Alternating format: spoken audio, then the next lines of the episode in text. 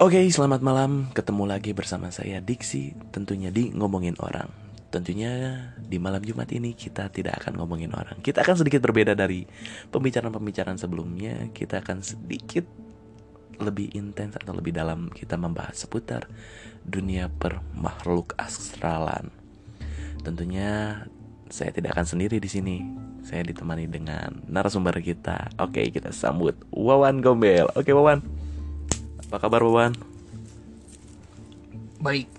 Oke, Wawan.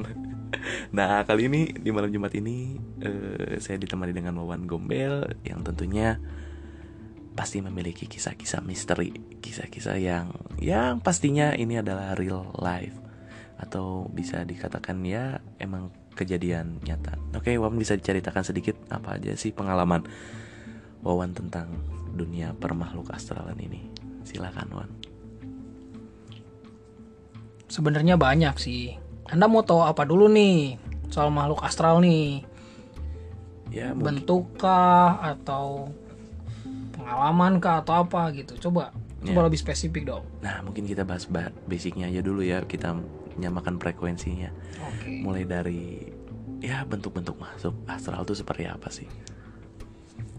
Sebenarnya untuk kalau bentuk itu banyak, banyak ragamnya gitu. Ya. Ada yang pure hewan, ada yang pure manusia, ada yang setengah hewan, setengah manusia. Pokoknya campur-campur deh. Ada juga yang berbentuk seperti bola-bola itu yang biasa kita bilang orbs. Oh, Oke, Mungkin orbs seperti itu. namanya. Nah, mungkin pengalaman pertama kali Wawan itu ketemu makhluk astral tuh yang seperti apa sih? Kalau pertama kali ketemu sih kita sopan aja gitu ya, karena saya juga takut eh, keberadaan makhluk yang di sini pun ikut terpanggil seperti itu. Hmm, Untuk pertama kali itu saya melihat Nyonya Kay. Oke, Nyonya K. Mungkin bi- kita panggil aja Kunti lah. Iya. Oke, oke. Kenapa kenapa tuh? Kenapa? Ya, jadi pertama kali saya bisa melihat tuh yang real gitu jelas depan mata saya itu ya yaitu Kunti. Jadi ceritanya pada waktu itu eh, lagi bulan puasa nih, lagi musim tuh taraweh tuh taraweh. Oke, oke, oke. Saya bersama teman-teman saya waktu itu taraweh bersama. Kita kebetulan taraweh di dekat masjid eh, yang bersebelahan dengan pabrik. Jadi di pabrik itu ada bentengnya kayak gitu. Hmm, Kita tarawehan karena waktu itu kita masih kecil, kita tuh tarawehan di luar di lantai dua. Nah di situ teman-teman saya tuh semuanya pada sibuk eh, menunjuk. Jadi eh, di lantai dua masjidnya itu bisa melihat ke seberang karena di sebelah itu tepat banget benteng dari pabrik tersebut. Bisa melihat pabrik, bisa melihat rumah dan juga pepohonan besar di sana. eh, mungkin pabrik itu pabrik seperti apa sih, Pe? Apakah pabrik eh pabrik apa namanya yang Oh, sudah kalau- tidak terpakai atau uh, masih berfungsi pabriknya itu? Kalau yang waktu itu saya tahu sih pabriknya masih berfungsi, cuman tidak tidak banyak orang yang ada di sana gitu. Nah pada waktu itu saya lanjut ya. Waktu itu saya melihat, bukan saya sih yang melihat teman-teman saya semuanya sibuk, semuanya melihat dan berkata, "Eh, lihat-lihat itu ada pocong, ada pocong di rumah tuh. Semua pada sibuk tuh ngelihat ke arah rumah di situ. Kebetulan waktu itu saya penakut, jadi saya nggak berani lihat. Saya hanya diam dan setelah itu saya menoleh ke sebelah kiri saya yang bertepatan dengan pohon besar dan saya pun melihat Nyonya Kay yang sedang terbang dari atas pohon lalu turun ke bawah. Itu itu bentuknya seperti apa tuh bentuknya? Kalau bentuk yang waktu itu saya lihat, alhamdulillah yang saya lihat tuh cantik. Cewek cantik, nggak kayak yang di film-film horor tuh, yang mukanya rusak. Alhamdulillah nggak kayak gak, gak lihat yang seperti itu untuk pada waktu itu ya. Rupanya cantik, putih, bersih, rambutnya panjang, tapi nggak terlalu panjang juga sih. Ya dia terbang dari atas pohon itu turun ke bawah paling itu sih pertama kali saya lihat hantu dengan eh, jelas gitu. Oh, itu dia pakai apa? Emang layaknya kuntilanak biasa menggunakan hitam putih atau uh, waktu gitu itu eh, baju yang dia kenakan sih putih. Hmm, seperti jubah gitu panjang. Rambutnya panjang ujungnya. panjang sampai ke punggung lah. Oh, ngeri sekali ya waktu itu. Itu berarti kejadian bulan puasa ya, Bu? bulan puasa. Ternyata bulan puasa pun han- waktu kecil saya sering dapat kabar hantu dan setan tuh dikurung gitu. Itu salah besar itu. Itu salah besar. Ya itu salah mungkin besar. harus diluruskan pemahaman yang seperti itu. mereka tetap ada. Mereka tidak dikurung ya. Mereka bebas berkeliaran. Ya PP sendiri ini udah Wawan, maaf Wawan. wawan ya. Wawan. gombel. Wawan, Wawan sendiri ini eh, udah berapa lama sih ngelihat tuh?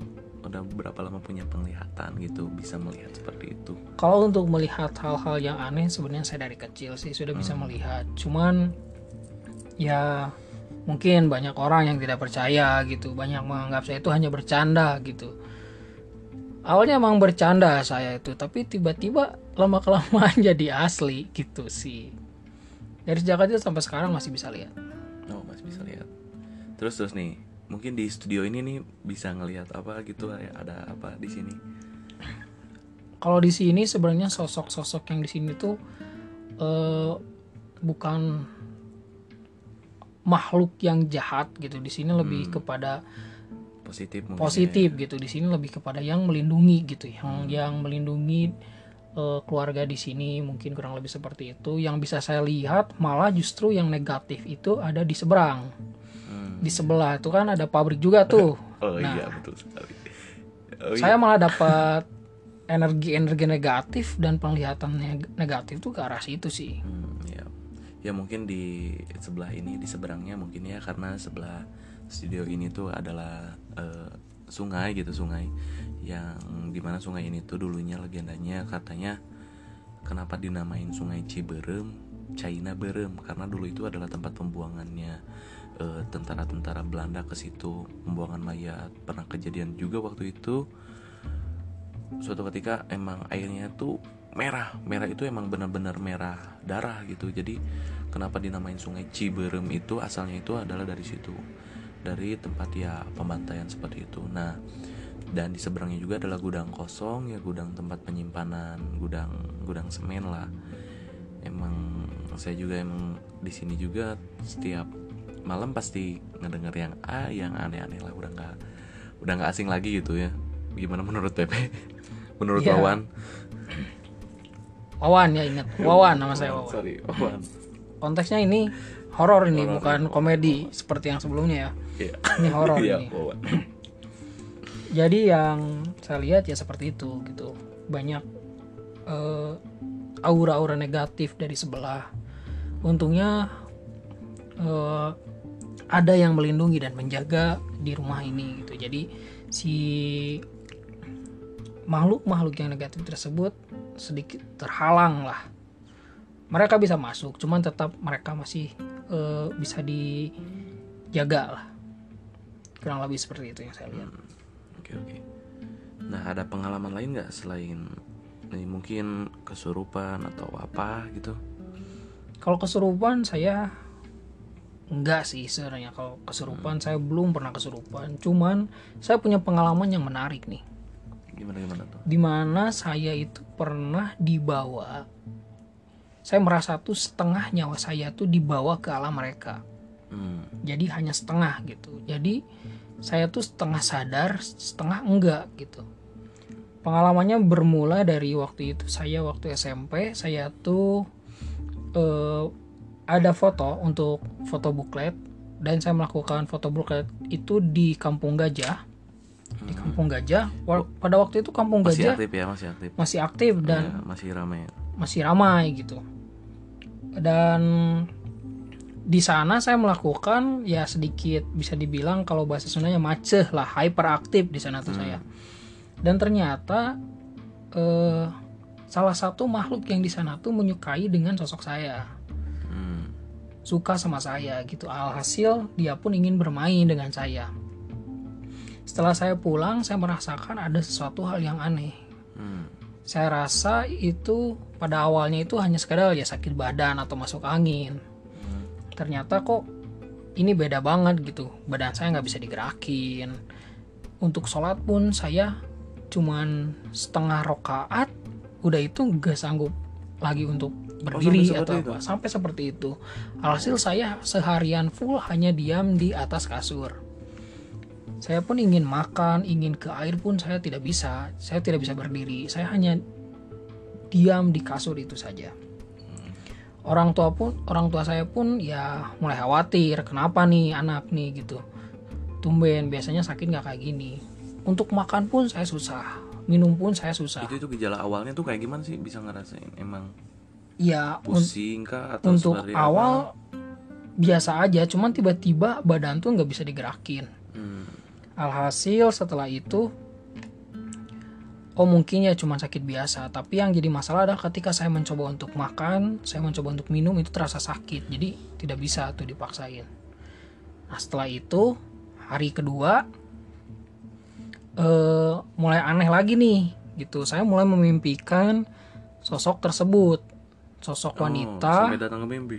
ya nggak sampai hanya di mimpi tiba-tiba saya pun ketika terbangun dari mimpi tersebut saya pun melihat Depan mata. dia melihat ke arah saya di depan tangga waktu saya tidur di atas kasur dia melirik ke arah saya waktu itu saya kurang jelas melihat mukanya seperti apa cuman mukanya tuh tertutup oleh rambut rambutnya panjang sampai ke Cewek. ya? Cewek. sampai paha rambutnya gaunnya putih eh nggak terlalu gemuk sih waktu itu Ya ngapain juga mikirin badan anjir. ya setelah itu eh, tiba-tiba dia melihat ke arah saya dan hanya menatap saya gitu saya pun waktu itu tidak berani ya untuk melihatnya kembali saya hanya melihat sedikit demi sedikit lalu kemudian saya buka mata ternyata dia menghilang. Alhasil orang tua saya pun ya memanggil untuk orang yang bisa gitu untuk menghandle hal seperti ini. Saya pun cerita kepada orang tua saya apa yang saya lihat apa yang saya rasakan. Itu hari kedua loh hari kedua itu saya belum memakan apa pun dan belum meminum apa pun. Hari kedua. Akhirnya di hari ketiga hari ketiga orang tua saya pun memanggil orang yang tersebut yang bisa menghandle dan Yang ya itulah manggil orang pintar lah. ya. Manggil orang pintar. Dan kemudian saya pun di diurut saya kira ya mungkin saya masuk angin gitu ya. Ternyata eh, si emak ini tuh ya emak yang ngurut saya ini dia bilang oh ini mah ada yang ngajak main. Dia bilang seperti itu. Tempelan mungkin ya bahasa sekarang. bisa bisa ketempelan. Jadi saya tuh ibarat setengah nyawa saya tuh dibawa sama dia gitu dibawa main gitu di sana. Alhasil eh, si emak ini yang menurut saya tuh dia mencoba berinteraksi dengan sosok yang membawa saya. Dan ternyata benar. Eh, sosok perempuan tersebut jatuh cinta sama saya. Dia suka dengan kepribadian saya. Dia katanya eh, asik nih diajak main. Seperti itu. Saya pun sulit untuk mempercayainya ya satu sisi saya ingin ketawa cuma satu sisi lagi saya tidak bisa gitu saya hanya diam pasrah Oh jadi ini kondisinya masih setengah sadar masih gitu? masih setengah sadar gitu ibaratnya tuh masih dinegosiasi lah antara si emak Tapi dengan itu, si itu lu gimana ngerasainnya? Apa yang lu lihat gitu? Ketika Waktu lu itu- setengah sadar itu. Wah, ya yang setengah sadar itu saya melihat sosok wanita tersebut cuman ya itu dia saya jadi kebagi dua gitu antara dunia sana dan dunia sini gitu jadi Terus yang bercampur aduk gitu Nah yang lu lihat di dunia sana itu apa? Seperti apa sih gambarannya? Gitu. saya kurang jelas untuk penglihatan karena Tapi yang saya bilang tadi sosok itu doang. ya saya bilang tadi tuh ini terbagi dua gitu antara dunia sana dan dunia sini Oh, oke oke oke. Oke, lagi saya lanjut lagi. Setelah itu, saya pun diurut. Lalu di si emak tuh berkata eh, untuk negosiasi nih. Kalau dalam bahasa Indonesianya tuh eh, tolong kembalikan kita beda alam gitu. Tolong kembalikan beda alam. Ya. Lalu setelah itu eh, si emak pun memijit pusar saya tiba-tiba perut saya terdengar suara keroncongan yang sangat keras Itu lapar itu aja. itu kebayang gak sih dua hari nggak makan nggak minum bagaimana rasanya tiba-tiba di situ saya kesima stop jangan dilanjutin dulu tunggu sebentar saya mau ke dapur kemudian saya ke dapur saya masak eh, kamu tahu kan mie duo loh yang dua itu Iya, iya, iya. saya bikin dua Instan lah ya. jadi saya tuh bikin mie itu 4 porsi. Mie goreng 4 porsi ditambah nasi. Dan itu saya makan sekaligus. Setelah itu saya beres makan saya merasa lega. Akhirnya saya bisa itu itu laparnya nggak nggak ketahan bro itu Berarti dua hari itu lu nggak bisa ngapa-ngapain. dua hari nggak makan nggak minum nggak bisa nggak bisa Tapi ketika si emak itu datang, mijit lu, ya lu agak mendingan gitu dan lu makan. pada hari itu langsung waktu dipijit sama si emak di dia ibaratnya minta tolong saya dikembalikan lagi saya dipijit pusarnya tiba-tiba lapar gitu. Jadi langsung kembali gitu seperti saya yang biasanya gitu. Terus setelah, itu nggak ada lagi dia, nggak nyamperin lagi gitu. eh nggak ada sih. Setelah itu ya udah gitu. Ibaratnya kita putus gitu. Kita kita udah nggak sejalan gitu. Kita kita beda dunia gitu. kita nggak bisa ngeri sekali ya itu ya. Kopi hitam dulu, beda. kopi. Ah, Siap. Sampai bisa-bisa dibawa seperti itu ya.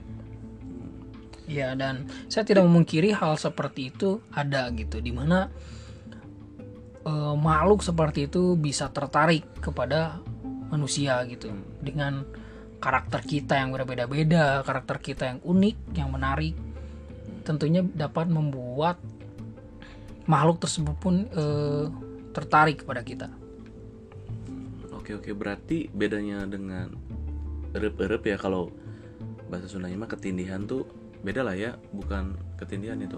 Bukan. Maksudnya, mungkin kalau ketindihan mah cuman beberapa saat ini mah ini saya dua hari. Dua hari oke. dua hari saya bisa komunikasi selama dua hari cuman saya tidak bisa bergerak gitu nggak bisa bisa berdiri cuman gak kuat lama paling cuman kurang dari satu menit saya langsung tumbang lagi.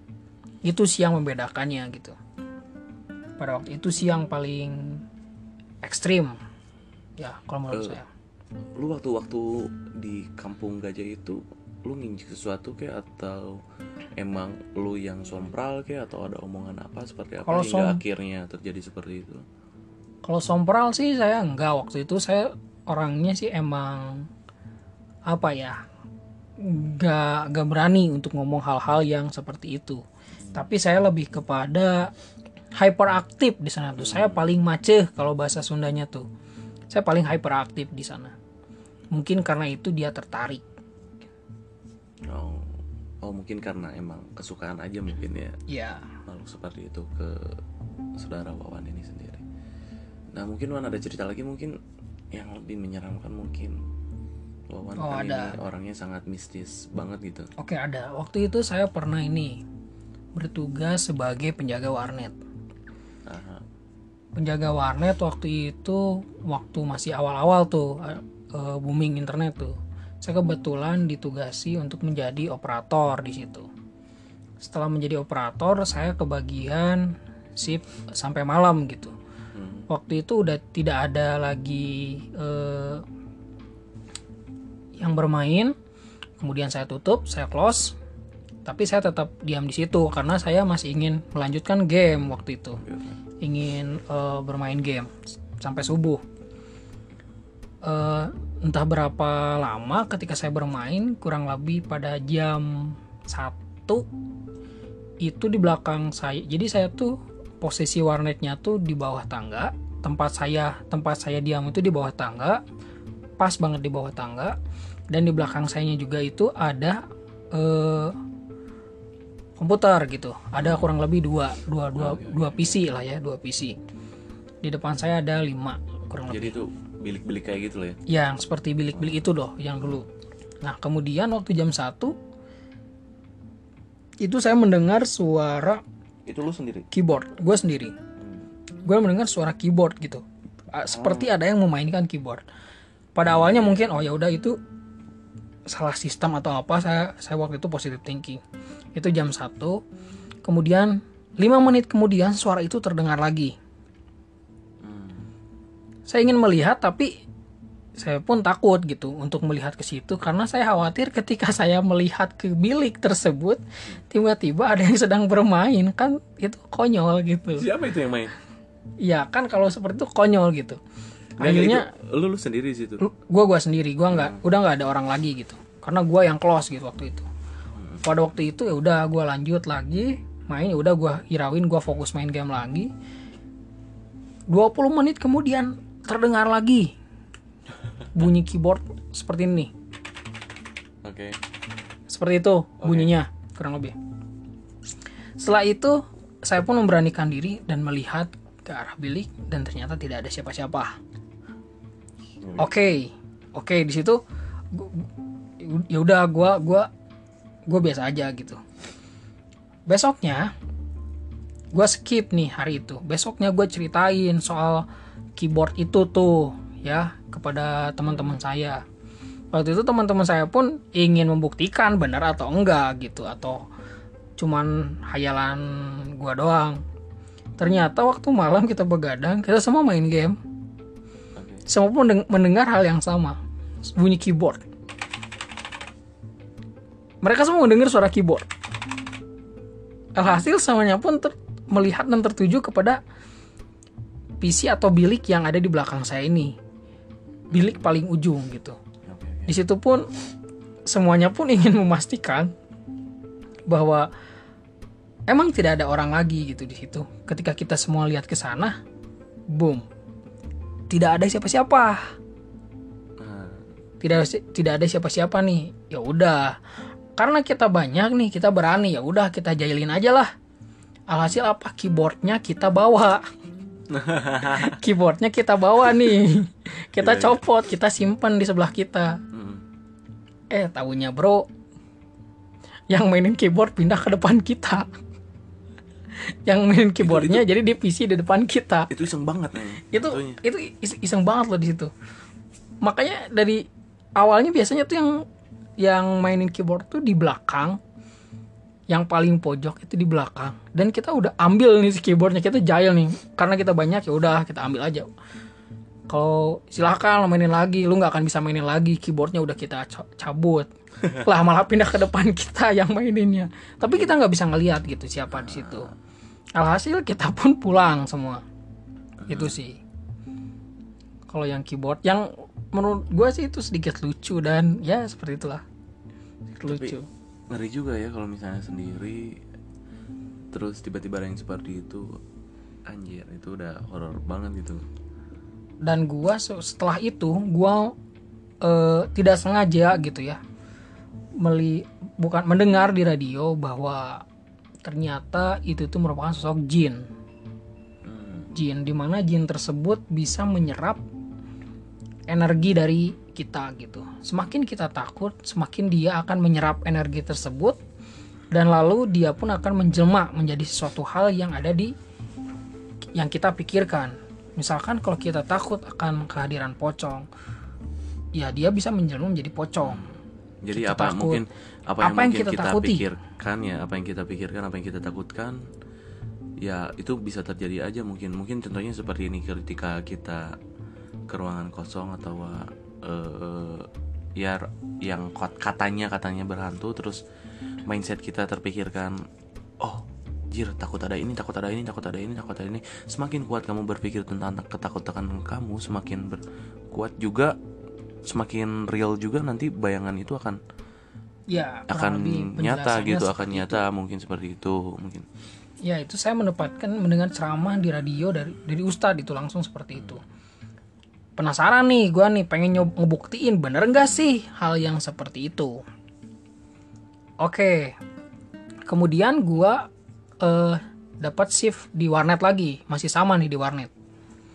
Kebetulan di di gua tuh kan pas banget di bawah tangga tuh. Mhm. jadi bayangan tangga tuh gue bisa lihat nih di pinggir gue bayangan tangga. Lu tahu kan bayangan tangga tuh kayak gimana lah bentuknya zig zigzag kayak gitu kan? Nah someday gue ingin ngucap apa sih bukan ngucapin ingin ingin membuktikan apakah itu benar.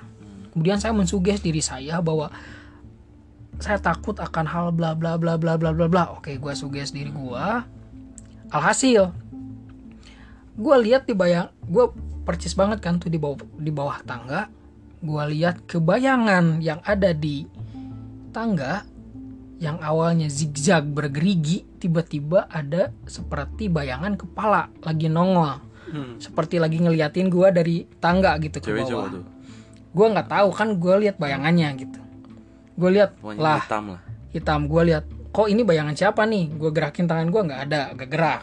Ya. gue gerakin kepala gue nggak gerak. Nah gue bingung nih. Gue mau lihat ke atas tapi gue takut. Ya udah gue coba berani lihat ke atas ternyata nggak ada siapa-siapa lalu gue lihat lagi bayangannya yang tadi tonjolan kepala itu bayangannya itu itu hilang juga Hmm. sekali. Oke, gua lihat ke atas mungkin dari neonnya gitu, dari lampu ternyata nggak nggak ada apa-apa gitu, nggak ada cicak ataupun apa pun nggak ada. Gak selang dari itu gua main lagi, gue itu lagi sendiri ya di warnet. Udah gua close lagi. Seperti biasa gua close, gua mau main game lagi sendiri, mau ngepush gua. Waktu itu eh gak berselang lama, dia nongol lagi si bayangan itu. Hmm. bayangan itu nongol lagi gue lihat lah kok ini ada lagi? gitu. Gue lihat ke atas dia nggak ada lagi. Bayangannya pun hilang juga. Makin takut nih apa nih? gitu. Gue pengen nyelidikin nih ke atas. Oke. Di atas tuh ruangan kosong nggak ada yang pakai. Di atas tuh ruangan biasanya kalau emang banyak orang yang tidur eh, yang yang mau paket malam ibaratnya pengen tidur bisa di atas. Kebetulan di atas tuh kosong gitu nggak ada orang yang nempatin sama sekali. Gue mau lihat ke atas tuh wah serem banget bro. Lalu waktu itu gue lihat bayangan depan gue tapi orangnya nggak ada. Wah. di warnet tersebut ada bayangan ngelewat tapi orangnya nggak ada. Jadi cuman bayangannya doang. Di situ gua wah panik banget dong.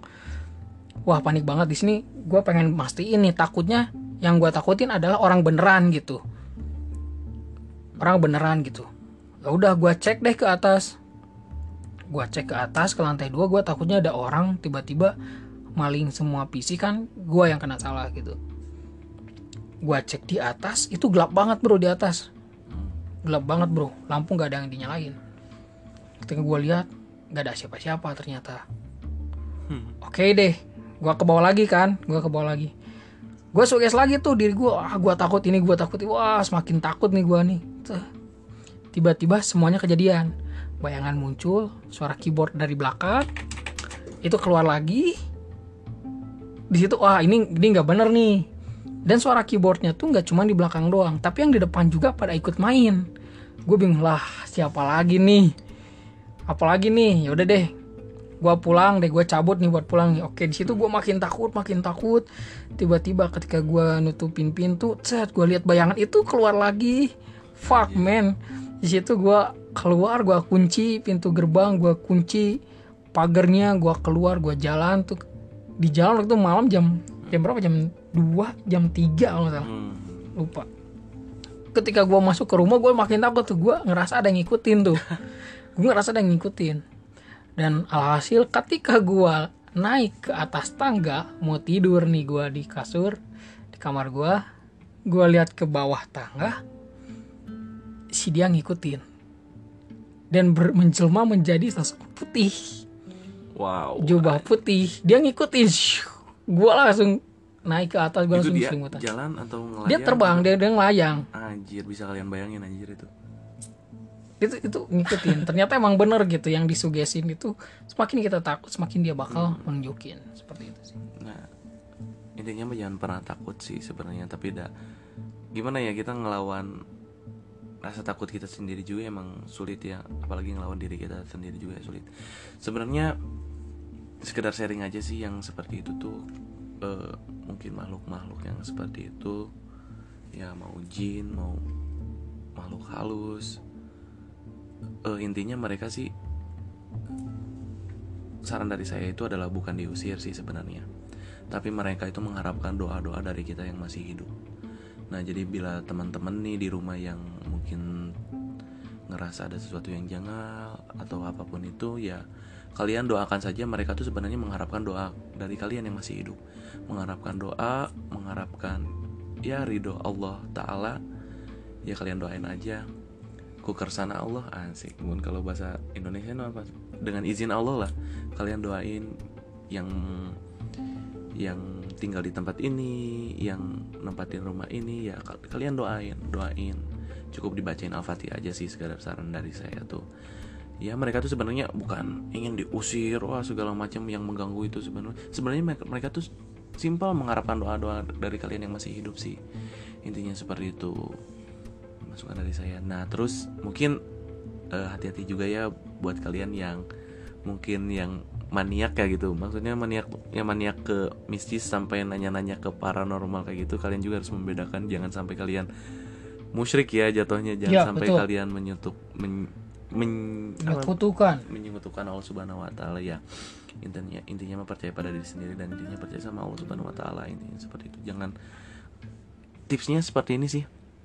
Uh, tips dari saya ya ini. One kalau misalnya uh, ada paranormal terus dia bilang jin korin kalian tahu jin korin kan? Jin korin ya, ya. ketika kita terlahir ya jin korin itu yang selalu bersama kita uh, dari mati sampai nanti kita dari apa, hidup sampai kita mati. dari dari kita itu sampai kita mati itu baru bisa terlepas ketika kita mati itu jin korin nah terus kalian uh, apabila ada paranormal yang bilang ke kalian uh, pokoknya ngejanjiin bahwa mana sini jin korin mah bisa ku orang kendaliin bisa ku orang suruh-suruh bisa ku orang bisa sama gua uh, suruh bisa sama gua perintah jin korin itu bisa dipastikan dukun itu palsu dukun itu nipu-nipu kalian jadi yang namanya jin korin itu sudah ada hadisnya sudah ada di Al-Quran. Jin korin itu yang hanya bisa mengislam, mengislamkan jin korin itu adalah cuman Nabi Muhammad SAW selebihnya kita ya tidak bisa seperti apa-apa. Ya jin korin ya jin korin ya kita kita hidup berdampingan. Jin korin itu adalah bisa kalian searching juga di Google ya. Pokoknya jin korin itu adalah uh, jin yang atas izin Allah untuk menggoda manusia untuk ya mengganggu manusia dalam beribadah. Tidak bisa kita menyuruh-nyuruh jin korin. Jin korin ini gangguin sini gangguin ah itu bohong. Selebihnya itu bohong. Ya mohon diingat sekali lagi itu bohong kalau ada paranormal seperti itu ya soalnya saya pengalaman nih Wan. Banyak teman-teman teman-teman yang nanya-nanya ke saya soal ya seperti itu mereka datangin paranormal terus paranormalnya seperti itu. Kebanyakan yang apa namanya yang bodong sih cuman mencari duit semata sih. Ya lebih baik janganlah. Kalian punya Allah kalian punya Tuhan kalian masing-masing setiap agama punya Tuhan masing-masing. Percayalah pada Tuhan kalian masing-masing ya seperti itu. Tambahan mungkin Wan?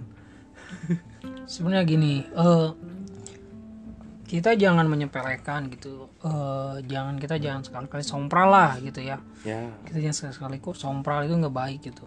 Karena apa mereka uh, mereka tuh ada gitu. Kenapa mereka sering menampakkan diri? Ya karena kebanyakan kita yang memulai duluan gitu. Kita yang mengganggu gitu. Mengganggu mereka gitu. Terkadang seperti ini loh mereka pun terganggu dengan aktivitas yang sering kita lakukan. Seperti apa? Contohnya memasukkan hantu-hantu kepada manusia membuat mereka kesurupan gitu. Itu sebenarnya yang di sana tuh terganggu gitu. Ngapain yeah. gitu? Seperti ngapain sih kalian tuh gitu? Melakukan hal-hal seperti itu. Satu sisi mungkin uh, dia bisa memberikan informasi. informasi tapi untuk yang lain nih yang lain yang saya lihat tuh mereka tuh seperti terganggu gening. Gitu. Apa sih gitu yang manusia lakuin tuh gitu ngapain sih seperti itu? Ya udah intinya mah kita kan hidup berdampingan ya kita ya saling jangan saling ganggu lah ya, saling menghormati lah. Saling mungkin ya saling mendoakan lah jangan kalian meminta sesuatu kepada mereka jangan itu dulu sangat salah banget sangat salah pisan gitu ya. Intinya mah ya kalau ada yang seperti itu ya berdoa kepada Allah Subhanahu Wa Taala.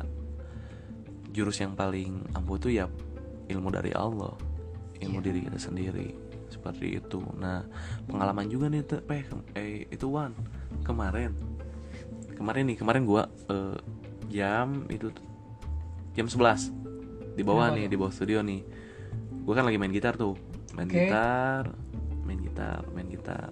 Jam 11 tuh. Pintu tuh ada yang ngetrok ngetrok trok trok trok. Sampai kunci itu goyang. Kayak kayak yang dimainin lah. Pintu tuh kayak yang dimainin. Kayak dimainin pintu ah mungkin kucing gua tuh mau masuk ah, antepin sama gua. Udah diantepin ngetrok ngetrok lagi nggak mau diem woy. pas dilihat sama gua dibukain pintunya dibukain pintu nggak ada siapa-siapa. Pas lihat ke arah pagar ada yang lari kayak anak kecil. Dari motor gua dari ya dari bawah motor gua lari cepat banget. Ke depan pret. Ah kucing gitu. Tapi kelihatan gua kayak anak kecil lari nah dari depan muncullah eh, om gua om gua baru dari depan. Eh, ada apa ah Cen? ente mang itu eh, ada itu tadi teh. Gue bilangnya kucing aja kucing aja. Ada kucing tadi ngelewat di depan om gue juga sebenarnya tahu. Soalnya tadi tuh pas saling singan gitu. Pas saling Iya. singan bahasa Indonesia apa? Iya, sa- eh, apa ya? Pas pokoknya bertatapan lah. Bertemu lah Berpapasan. berpapasan nah berpapasan berpapasan juga. Gue bilangnya kucing gitu mang tadi tuh apa dah? Si Tayo mah Tayo nama kucing gue si Tayo tuh eh dah tadi tuh siang cuman ke sini doang nggak ke sini ini belum lihat-lihat lagi jangan mang gue terus tadi sah budak letik itu mang. Nah sama sama gue diomongin kayak gitu. Hah budak letik dia bilang gitu om gue nu tadi nu hidungnya. Heeh mang. Nah di situ gue ngeliat om gue juga ngeliat di situ. Terus gue ngecek duit segala macem Eh, alhamdulillah emang nggak ada apa-apa gitu nggak ada yang hilang nggak ada yang kurang satupun gitu. Takutnya kan gitu kalau tuyul ya eh, Ya, itu kejadian di sini. Ya sering sih. seperti itu sih. Sebenarnya masih banyak sih cerita-cerita mistis seperti ini ini Iya, oke. hawanya aja di sini udah mulai beda ya kalau ketika Udah, kita udah beda nih. Kita kita kita nih cerita soal hal yang seperti itu mereka ngeliatin kita nih. ya pasti. Mereka tuh serasa terpanggil gitu terpancing Panggil nih. Gua aja merinding nih. merinding terus merinding. udah hawa tuh udah panas banget di sini yang tadinya dingin ya Udah, udah, udah. I- Pak Udah. Bandung lagi dingin nih. Tiba-tiba jadi panas nih. Panas, tahan. panas, panas, panas banget. ya, mungkin kita cukupkan saja untuk hari ini. Kita cukupin dulu ya. Kita Mungkin cukupin buat next episode kita bakal ngobrol lagi. Ya, mungkin dengan eh, kita pastinya di malam Jumat akan ngobrolin hal-hal yang seperti ini. Eh, tentunya, pastinya yang ngobrolin makhluk halus seperti ini. Eh, Pe. Apaan tuh? Udah deh, udah. Mending mending di stop deh, udah. Udah, udah, udah. Udah, udah Oke, stop. Udah, udah bener udah. oke, oke. Kita cukupkan saja. Terima kasih sekali lagi, Wawan. Ya, terima kasih. Terima kasih, Wawan. Terima kasih sudah mengundang saya. Ya, terima kasih juga. Terima kasih juga buat kopi hitam. Siap. Terima kasih. Terima kasih. Oke. Sampai ketemu di malam Jumat selanjutnya. Sampai ketemu di ngomongin orang. Tapi kalau malam Jumat ngomongin juri. Oke. See you.